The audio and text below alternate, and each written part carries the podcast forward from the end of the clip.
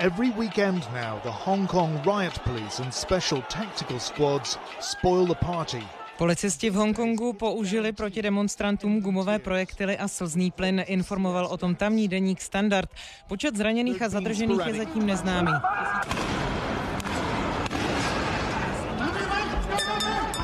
This went on for hours tonight.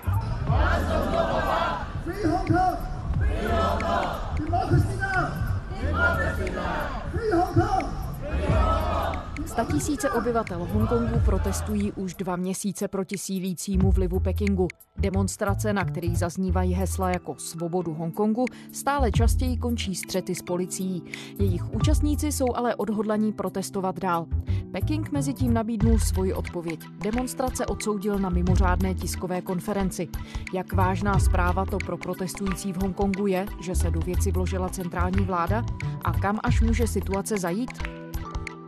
Je středa 31. července, tady je Lenka Kabrhelová a Vinohradská 12, spravodajský podcast Českého rozhlasu. Tak teď? Davide? Ano, ano, slyším. Ahoj. Halo, Ano, slyším vás, slyším tě, Lenko. Čau, jo, čau. super, čau, Hele, čau. ona tam bude asi velký, ono tam bude velký spoždění. Že k tobě, než dojde moje otázka, tak to chvíli potrvá. No, no, no, že to bude vypadat, že jsem to zapích, ale nezapích. Jo.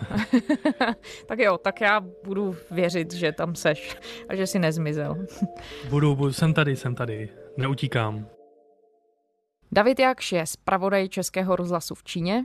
Ty protesty trvají už půl druhého měsíce a ty je pokrýváš v podstatě od začátku. Proč a jak vypukly? No tak samozřejmě na jednu stranu je to velmi dlouhá historie, velmi dlouhý příběh, který začíná už na počátku 19. století těmi známými opiovými válkami, nankingským mírem nebo nankingskou dohodou a tak dále, ale opravdu to gro, to, co se teď v Hongkongu děje, tak to je opravdu záležitost posledních, dejme tomu, 6 až 8 měsíců. Samozřejmě, že všechno, co se v ulicích děje v Hongkongu, tak navazuje nebo je přímým pokračováním takzvané dešníkové revoluce před několika lety.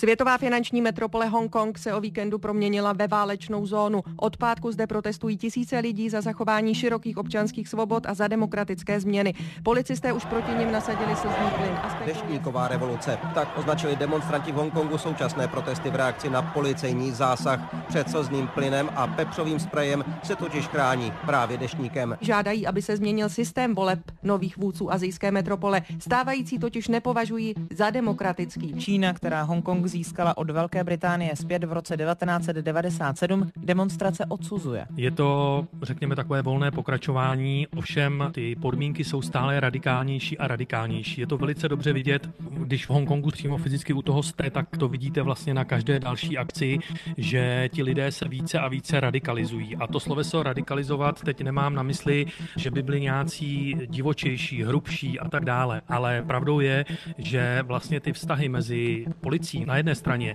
a těmi demonstranty na straně druhé tak se vyhrocují. No a samozřejmě výsledkem je více a více zraněných, zatčených a vlastně stále nervóznější Peking.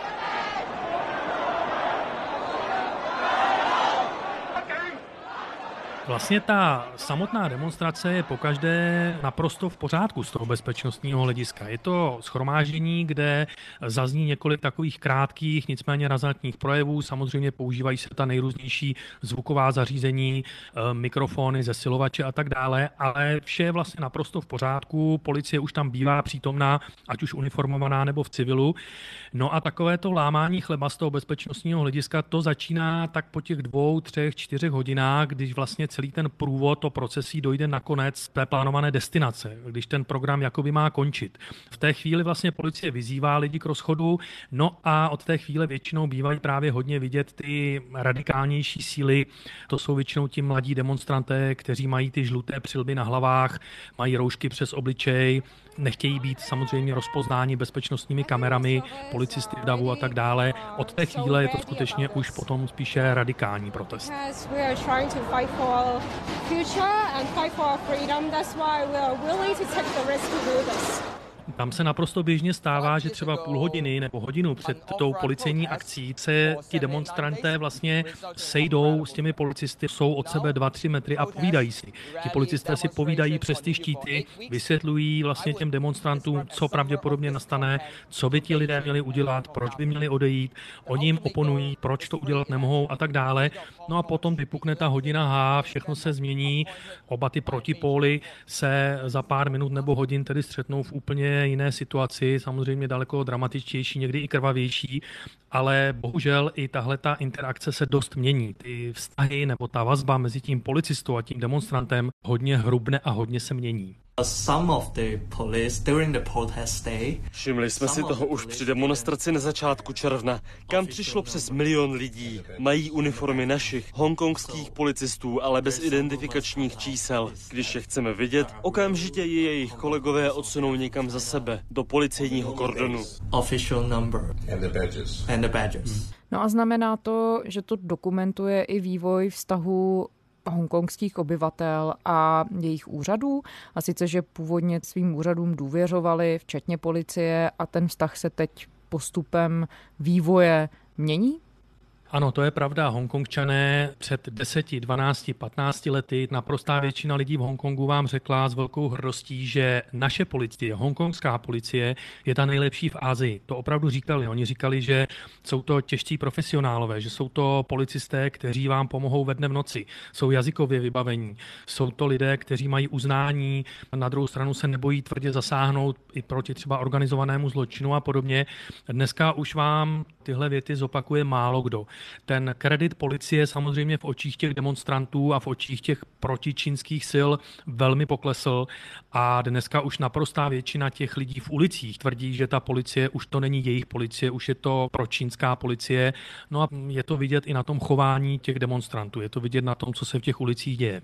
Davide, mění se i ty požadavky protestujících. Na počátku to rozpoutal celé zákon, který by mohl umožnit vydávání stíhaných lidí i na pevninskou Čínu.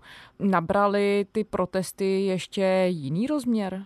Ano, ano, určitě nabrali na počátku, jak už říkala, byl vlastně protest proti takzvanému vydávacímu zákonu.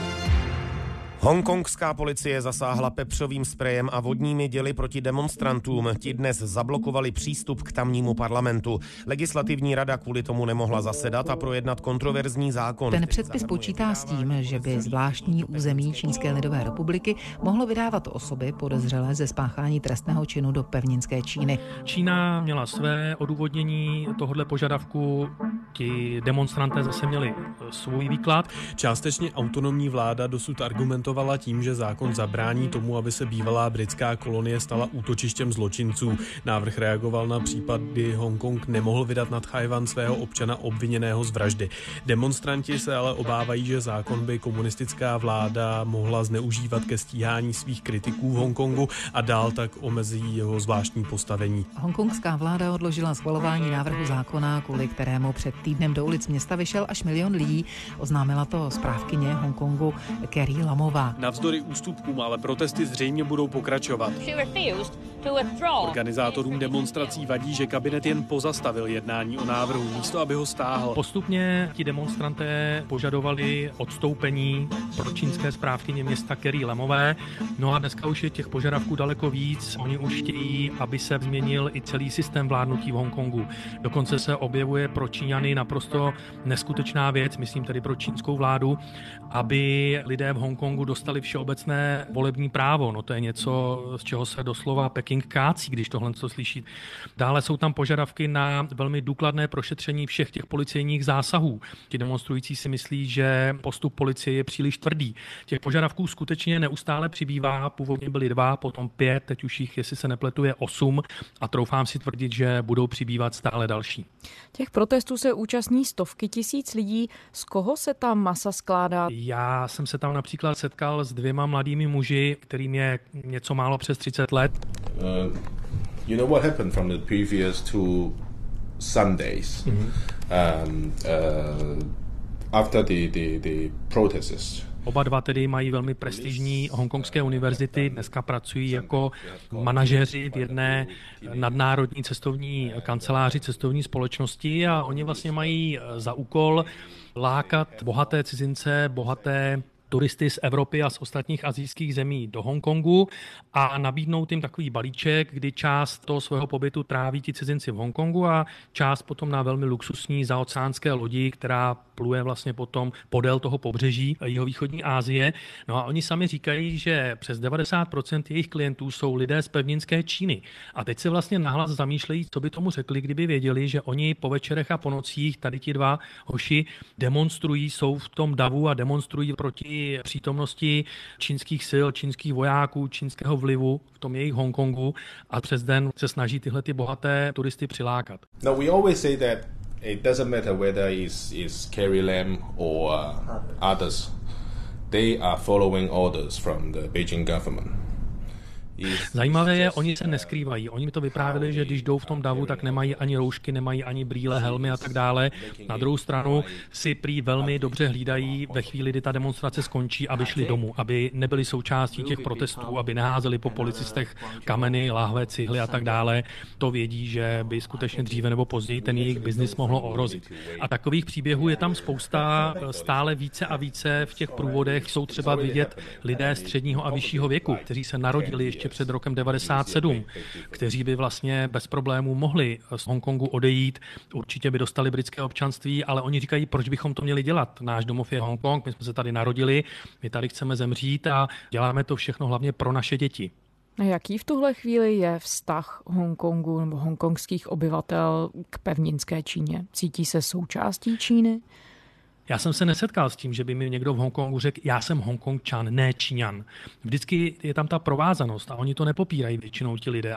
Ale jde o to, že oni prostě rozlišují takový ten běžný klasický život, to znamená toho člověka, který denně chodí do práce, má svoji rodinu, kterou musí uživit, o kterou se stará, o kterou se bojí a samozřejmě rozděluje takové ty vrstvy obyvatel, které slouží tomu establishmentu. To znamená politické vyvolence, armádu, policii, takové ty čínské biznismeny, kteří jsou navázáni na komunistickou vládu, eventuálně na tajné služby a podobně ty jim samozřejmě vadí a ty viní z toho, že ovlivňují situaci v Hongkongu a tlačí Hongkong někam, kam oni nechtějí. Na druhou stranu zní to tak trochu jako taková schizofrenie, protože je těžké asi si připadat součástí něčeho, ale zároveň se z toho vyčlenovat a připadat si jako obyvatel, který chce žít v úplně jiném uspořádání, než jaké funguje v pevninské Číně.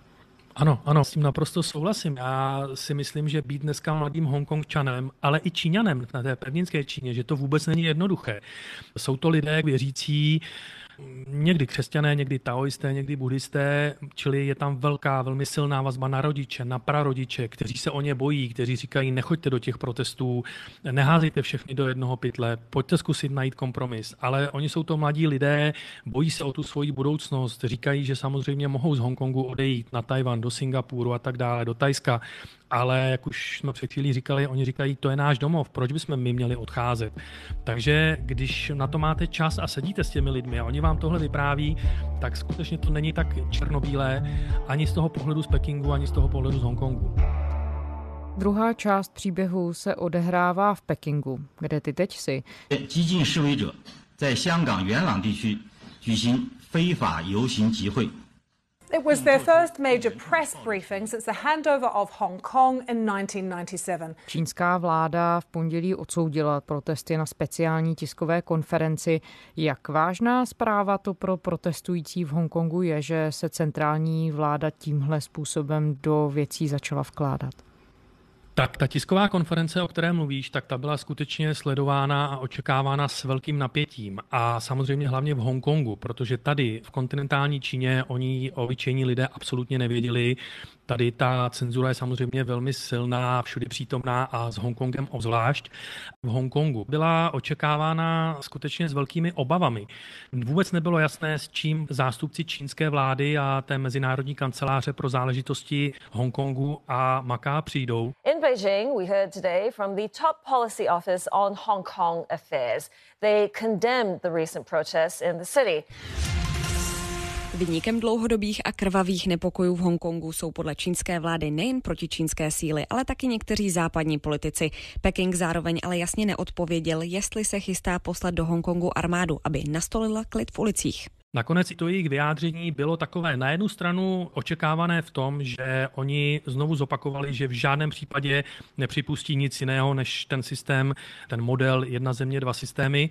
Na druhou stranu oni neodpověděli na to, jestli Peking je teď v nejbližších hodinách nebo dnech rozhodnut poslat do Hongkongu armádu a ta nejistota trvá dál. Je to pořád takové to známé čínské, my máme čas, my si počkáme, ale na druhou stranu klid do Hongkongu to rozhodně nepřináší. No a může to poselství, my máme čas, my si počkáme, znamenat, že si pekingská vláda je jistá tím, že prostě nemůže tenhle boj prohrát, respektive, že ona je ta, která vždycky vyhrává. Je to pravda. Ta smlouva o předání Hongkongu z britské pod čínskou samozprávu, ta je jasná. V Pekingu dnes byla parafována společná čínsko-britská deklarace o budoucnosti Hongkongu. Velká Británie podle ní předá 1. července roku 1997 tuto kolonii pod čínskou svrchovanost.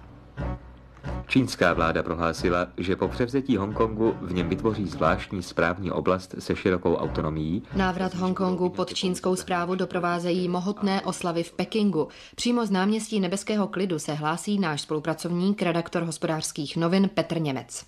Budou to největší oslavy v historii moderní Číny a vedení Pekingu ani nemuselo obyvatele k oslavám pobízet.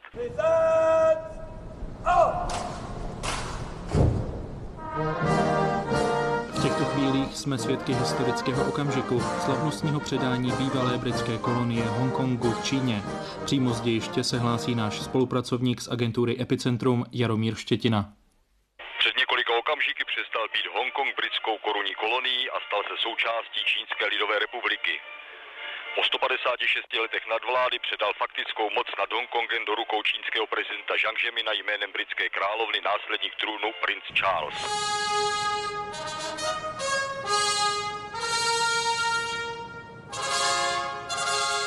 Peking se mimo jiné zavázal k tomu, že bude ctít větu jedna země, dva systémy.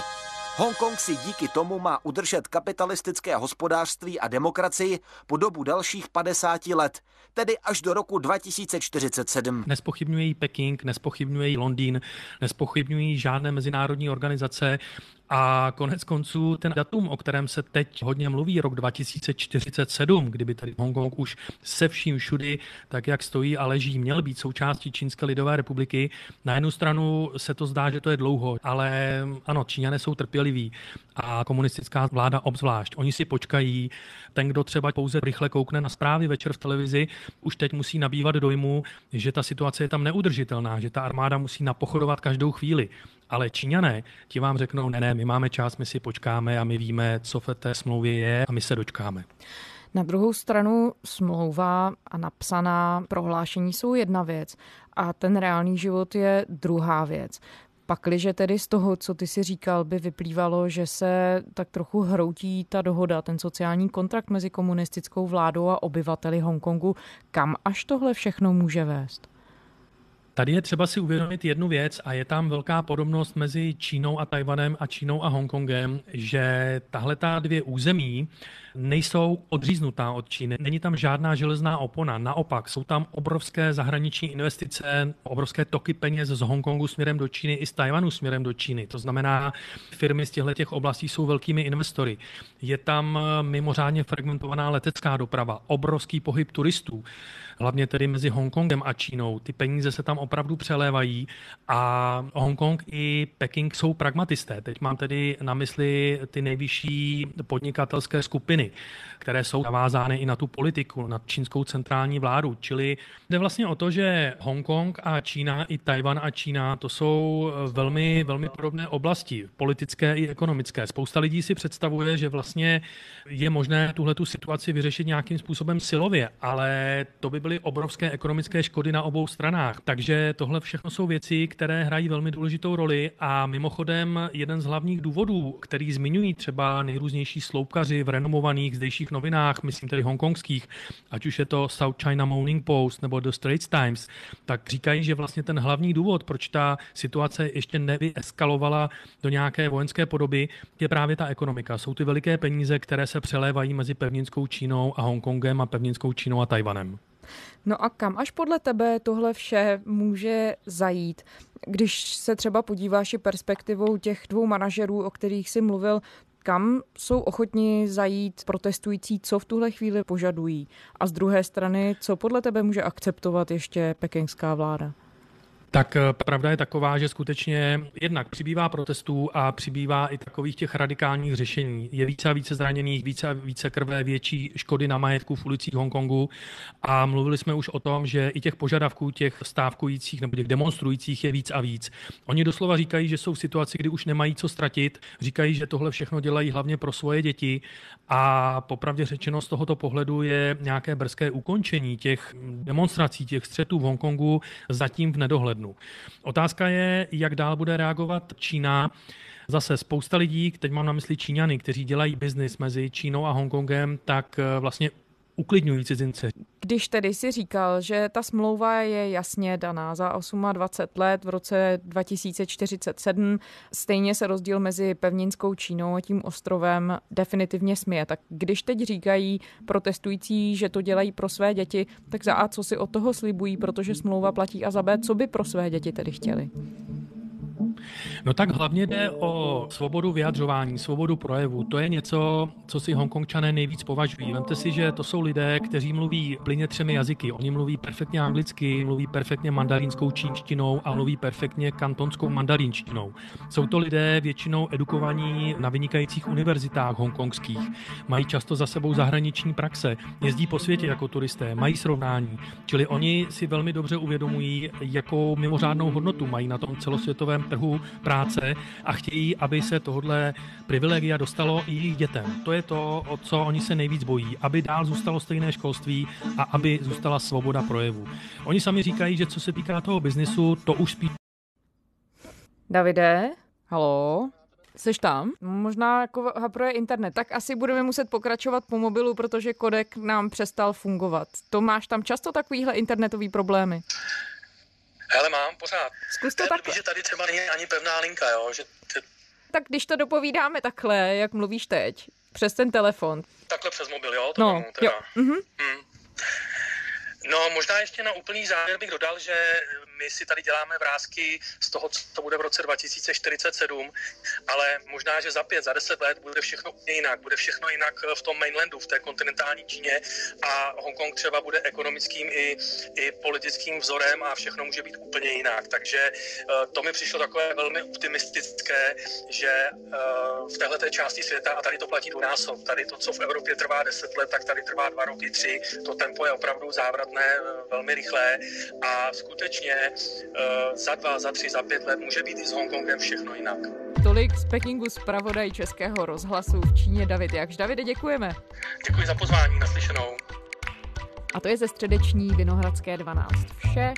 Jako vždy, najdete nás na iRozhlas.cz, najdete nás ve všech podcastových aplikacích na vašich mobilních zařízeních a pište nám vinohradská12 zavináč rozhlas.cz.